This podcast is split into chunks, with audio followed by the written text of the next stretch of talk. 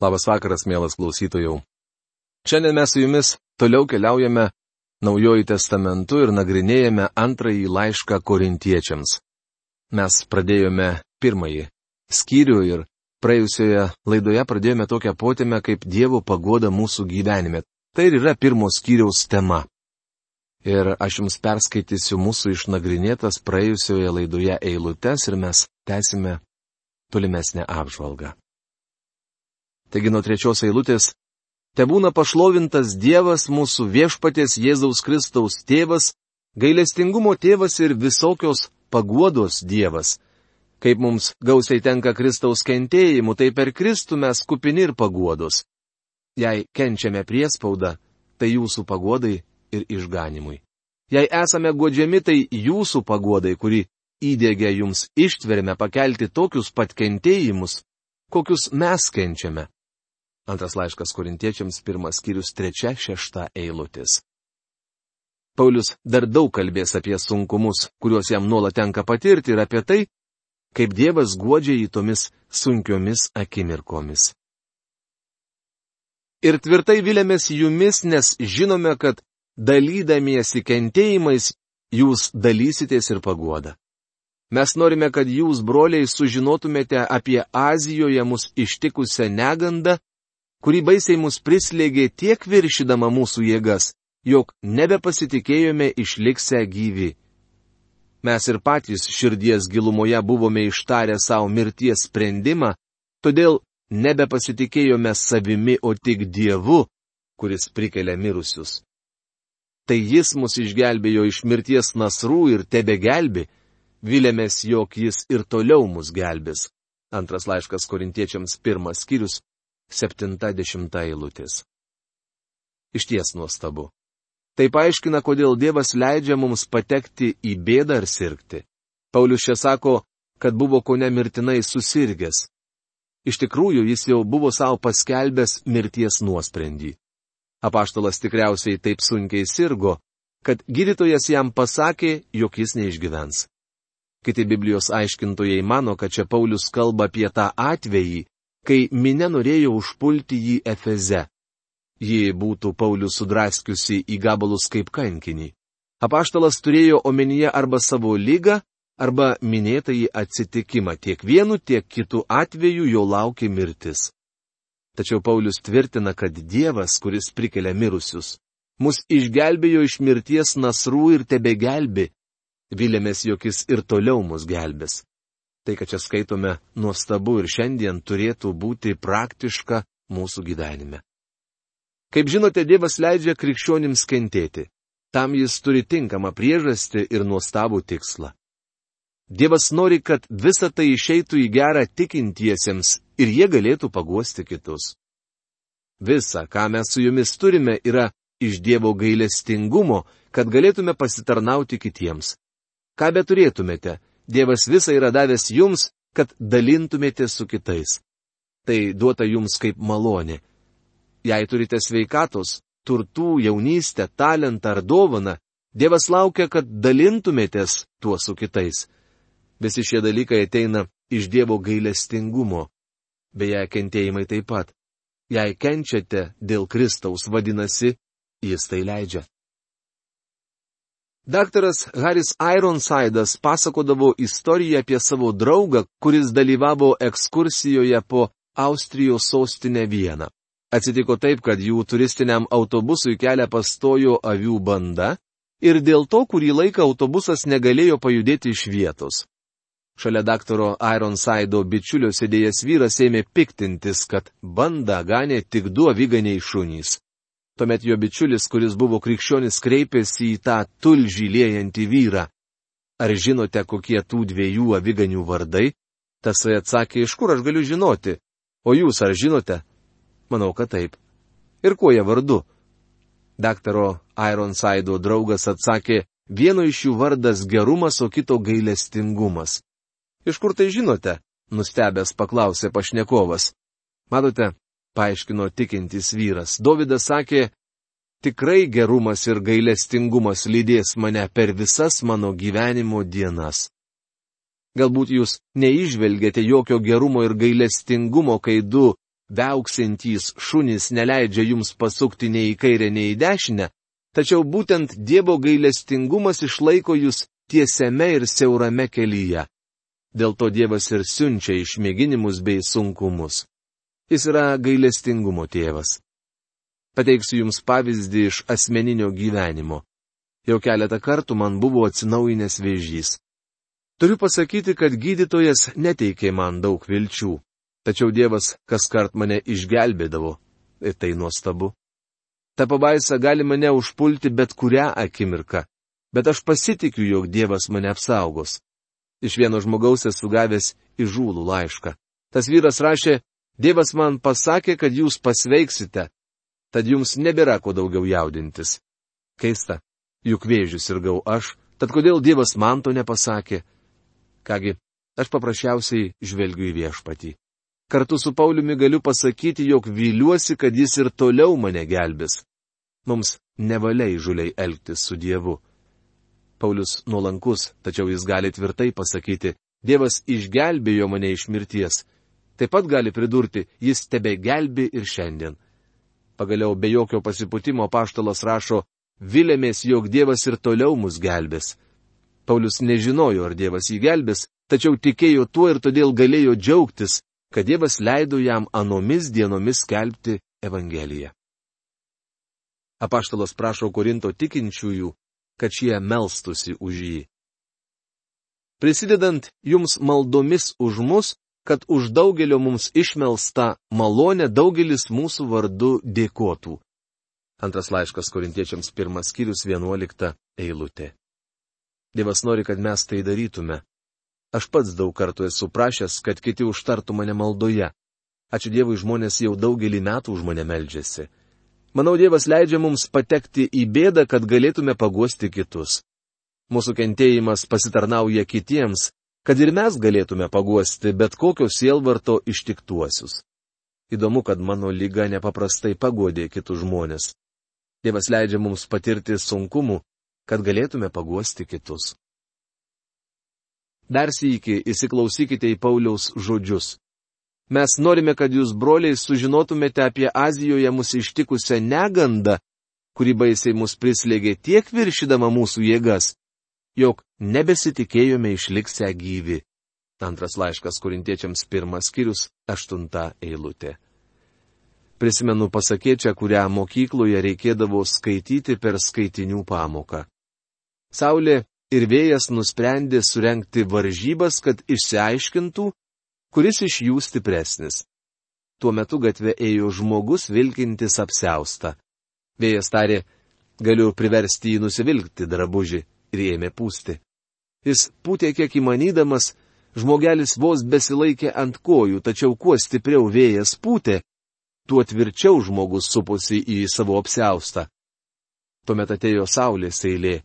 Jei pašvietus ir sušildžius žemę, žmogus nusivilko apseustą. Taigi Saulė padarė tai, ko neįstengė vėjas. Panašiai ir negandų vėjas neatskirs mūsų nuo Dievo. Pakilus viesului, mes grežiamės į tėvą, kuris gali mus paguosti. Pavojinga, kai mums viskas puikiai sekasi. Šviečiant Sauliai, krikščionys pernelik atsipalaiduoja. Jie nusivelka praktinio teisumo drabužį ir leidžiasi į kompromisus su pasauliu. Daug tikinčiųjų yra pasukę šiuo keliu.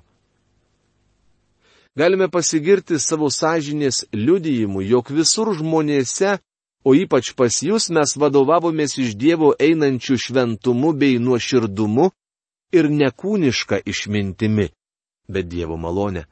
Antras laiškas korintiečiams pirmas skyrius, dvylikta eilutė. Paulius rašo, kad gali džiaugtis dėl savo gyvenimo liudijimo. Jis aiškiai duoda suprasti, kad jo liudijimas pagrystas nekūniška išmintimi. Mes liudijame Dievą tik tuo met, jei vadovaujamės iš Dievo einančių šventumu bei nuoširdumu. Taigi kentėjimas yra Dievo malonė. Jis iššūkdo geras savybės, kuriomis privalome dalinti su kitais. Kai gulėjau ligoninėje, laukdamas vėžio operacijos, kažkas man atsiuntė eilėraštį. Man trūko ramybės, jis uždarė mane. į vietą nuo šalia, kur gali atsivert. Toli nuo verpeto, kuriam aš sukaus, kol pilnas jėgų ir stiprybės buvau. Man trūko ramybės. Nors iš pradžių aš pykau, kryžių pakelti padėjo jis man. Taip švelniai šnipždėjo gyvybės žodžius, kad netruko dvasia išsekusiam kūne atbust. Nežinojau, kas tai, kol džiaugiausi darbe, bet jo tėviška meilė atskyrė mane. Man trūko ramybės, nekalėjimas čia. Mano lova tai slėnis palaimos artumo vieta. Vieta prie pat Jėzaus, saugi ir šventa. Man trūko ramybės, jis atskyrė mane. Elys Hanš Mortenson Bičiuliai, jei šiandien vykdydami Dievo valią gulite skausmų patale, šis patalas gali tapti geresnė sakykla nei ta, už kurios aš stoviu. Mes nerašome jums nieko kita, kaip tik tai, ką jūs perskaitote ir suprantate. Turiu vilties, kad suprasite iki galo, kaip iš dalies jau supratote, kad mūsų viešpaties Jėzaus dieną mes būsime jūsų pasididžiavimas lygiai kaip ir jūs mūsų. Tokio pasitikėjimo kupinas ir kad jūs pakartotinai gautumėte malonę. Aš ketinau pirmiausia atvykti pas jūs. Antras laiškas korintiečiams, pirmas skyrius, 13-15 eilutės. Paulius klausia, argi pirmą kartą atvykęs nebuvau jums palaiminimu? Dabar rengiuosi atvykti antras sykį ir trokštų vėl jums būti palaiminimu ir pro jūs keliauti į Makedoniją, o iš Makedonijos vėl grįžti pas jūs, kad jūs mane išlydėtumėte į judėją. Argi taip manydamas aš elgiausi lengvabūdiškai, o gal mano sumanimai buvo grinai žmogiški, gal mano taip taip kartu reiškia ir ne ne? Antras laiškas korintiečiams pirmas skyrius 16-17 eilutės. Paulius tikėjosi anksčiau atvykti į Korintą, tačiau iki šiol jam nepavyko to padaryti. Kai kurie paštalo priešai Korinte ėmė kalbėti, kad jo žodžiais negalima pasikliauti, jie kaltino Paulių nenuoširdumu, taigi Paulius jiems tvirtina, kad jis kalbėjo nuoširdžiai. Apaštalas pabrėžia, kad jo taip reiškia taip, o ne reiškia ne. Tokie turi būti nūdienos tikintieji. Krikščionims nedėrėtų lengvabūdiškai tartis dėl darbo ir įvairių susitikimų. Mums reikia tikinčiųjų, kurie laikytųsi duoto žodžio. Kaip Dievas mato jums, duotas mūsų žodis nebuvo kartu taip ir ne. Antras laiškas korintiečiams pirmas skyrius 18 eilutė. Paulius nežadėjo, atvyksiu, o vėliau neatvyksiu, tarsi būtų nepastovus ir permainingas. Kodėl? Todėl, kad jis buvo Dievo vedamas. Apaštalas vykdė Dievo valią. Juk Dievo sūnus Jėzus Kristus, kurį jums paskelbėme aš, Silvanas ir Timotiejus, anaip tol nebuvo ir taip ir ne, bet jame buvo tik taip. Antras laiškas korintiečiams pirmas skyrius, 19 eilutė. Pauliaus skelbta Evangelija buvo šlovinga ir teigiama. Ji buvo taip. Evangelija tai geroji naujiena. Mes ne tik turime ištikimą Dievą, bet ir patikimą Jėzų Kristų. Kiek tik yra Dievo pažadų, jie jame yra taip. Todėl per jį skamba ir mūsų Amen Dievo garbiai. Antras laiškas korintiečiams pirmas skyrius, dvidešimta eilutė. Kristuje visa yra teigiama. Juk Dievas mus ir jūs sutvirtino Kristuje ir patepė, pažymėjo mus savo anspaudu ir siuntė į mūsų širdis dvasios laidą. Antras laiškas korintiečiams pirmas skyrius 21-22 eilutės. Profesoriaus Algirdo Jurieno vertime šios eilutės skamba taip. Tas, kuris sutvirtina mus su jumis Kristuje ir mus patepė, yra Dievas, kuris ir užanspaudavo mus ir davė kaip užstatą dvasiai į mūsų širdis. Kągi, čia minimas ne tik ištikimas teisingas Dievas bei patikimas viešpats Jėzus Kristus bet ir tikinčiajame gyvenanti šventoji dvasia. Mano įsitikinimu, šiame sakinyje apibriešta visa šiandieninė šventosios dvasios tarnystė. Tas, kuris sutvirtina mus. kaip mes esame sutvirtinami. Savo pirmą laišką kurintiečiams, kurie dar buvo labai nepastovus, Paulius baigė žodžiais. Tad mano mylimieji broliai, būkite tvirti ir nepajudinami, vis uoliau dirbkite viešpaties darbą ir žinokite, kad jūsų triūsas neveltui viešpatyje. Ką reiškia būti sutvirtintam? Mes tikime, kad tai šventosios dvasios darbas. Visų pirma, šventoji dvasia apkaltina. Viešpats Jėzus pažadėjo, kad atėjusi, ji parodys pasauliui, kaip šis klysta dėl nuodėmės, teisumo ir teismo. Antra, jei mes buvome apkaltinti dėl nuodėmės, ją išpažinome ir priėmėme Kristų kaip gelbėtoją, šventoji dvasia atgimdo mus. Ne tik atgimdo, bet ir apsigyvena mumise, o be to dar ir pakrikštyje mus. Beje, čia skaitome gana įdomų posakį. Tas, kuris sutvirtina mus su jumis Kristuje ir mus patepė, yra Dievas. Koks Dievas? Dievas šventoji dvasia. Neretai per laidotuvės gėdama giesmė esu saugus Jėzaus rankose. Šiuose eilutėse kalbama ne apie saugumą jo rankose. Per šventosios dvasios krikštą jūs tampate Kristaus kūno dalimi. Tad esate saugus ne jo rankose, bet kaip Jėzaus Kristaus ranka. Atgimdytas tikintysis yra saugus kaip jo kūno narys. Tai ypatingas saugumas. Kalbėdamas apie šventosios dvasios darbą, Paulius vartoja esamąjį laiką. Štai ką bičiuli šiandien daro šventoji dvasia. Apkaltina jūs, atgimdo, apsigyvena jumise ir jūs pakrikštyje. Tas, kuris mus patepė, yra Dievas. Šiandien mažai kalbama apie šventosios dvasios patepimą. Pirmo Jono laiško antros kiriaus dvidešimtoje eilutėje mums sakoma, jūs esate gavę šventojo patepimą ir visi žinote tiesą. Šis patepimas yra šventoji dvasia. Ji apreiškia mums visą tiesą. Dėl jūsų patepimas, kurį iš jo esate gavę, lieka jumise ir nereikia, kad jūs kas nors mokytų. Nes pats jo patepimas moko jūs visko ir jis yra tiesa, o ne melas. Ir kaip jis jūs pamokė, taip jame ir laikykitės. Rašoma pirmame Jono laiške antrame skyriuje 27 eilutėje. Ši šventosios dvasios tarnystė yra be galo svarbi. Šventoji dvasia nesuteikia jums mokslinio laipsnio. Pažinimas neteina kaip gražiai įpakuota dovana. Šventoji dvasia turi išmokyti jūs, mano draugė krikščioni. Ji vienintelė jums gali atverti Dievo žodį. Štai kodėl Biblija yra stebuklinga knyga. Viešpats Jėzus kalbėjo saviesiems, dar daugel jums turėčiau kalbėti, bet dabar jūs negalite pakelti. Kai ateis toji tiesos dvasia, jį ves jūs į tiesos pilnatvę. Rašoma Jono Evangelijos 16 skyriaus 12-13 eilutėse. Ji nori jūs vesti į tiesos pilnatvę. Kuris ir užanspaudavo mus. Tai įstabi dvasios tarnystė. Ir neliūdinkite šventosios Dievo dvasios, kurią esate paženklinti atpirkimo dienai. Efeziečiams laiško ketvirtos skyriaus 30 eilutė. Ar įmanoma ją nuliūdinti taip, kad ji pasitrauktų? Ne. Šventoji dvasia užanspaudavo mus ir vieną dieną išgelbės.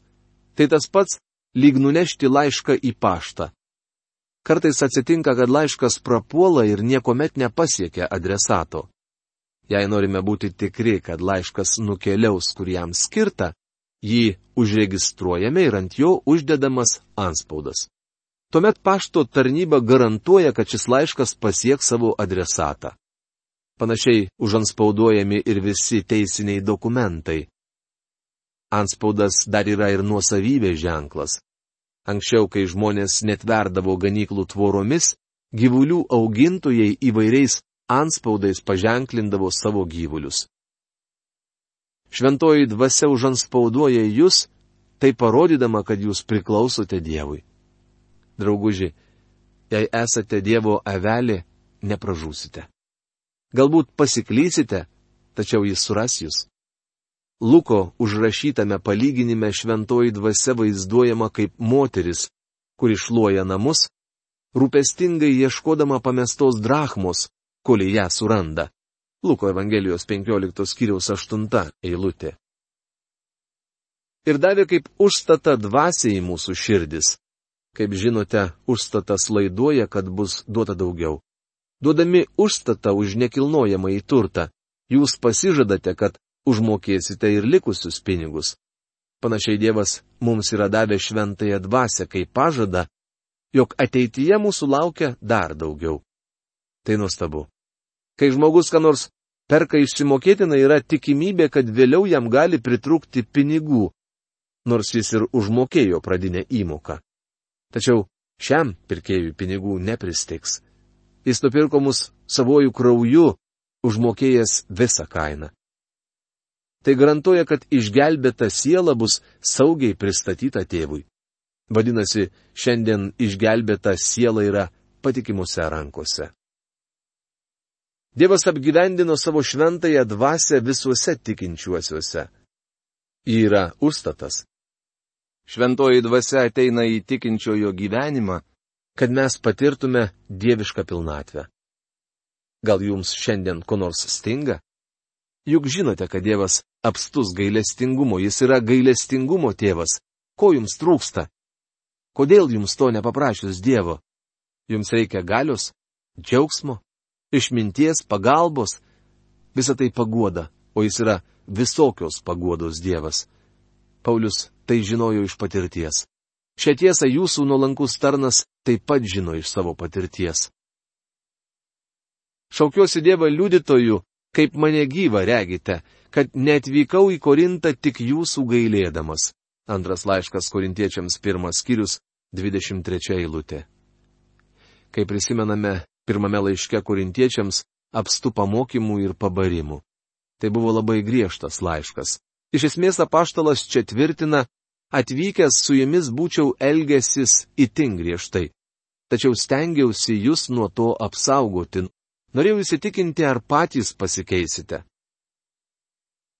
Mes juk nesame jūsų tikėjimo viešpačiai, bet tik jūsų džiaugsmo talkininkai, nes tikėjime jūs stovite tvirtai. Antras laiškas korintiečiams pirmas skyrius 24 eilutė. Paulius sako, aš nesu jūsų sielų vyskupas, nesistengiu jums viešpatauti. Kristuje jūs turite tobulą laisvę. Viso labo noriu būti jūsų džiaugsmo talkininku, nes tikėjime jūs stovite tvirtai.